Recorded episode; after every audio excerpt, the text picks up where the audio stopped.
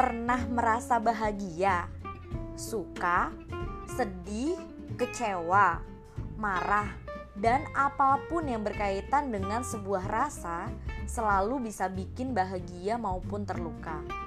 Haruskah kita cuek atau hadapi dan rasakan semuanya? Baper.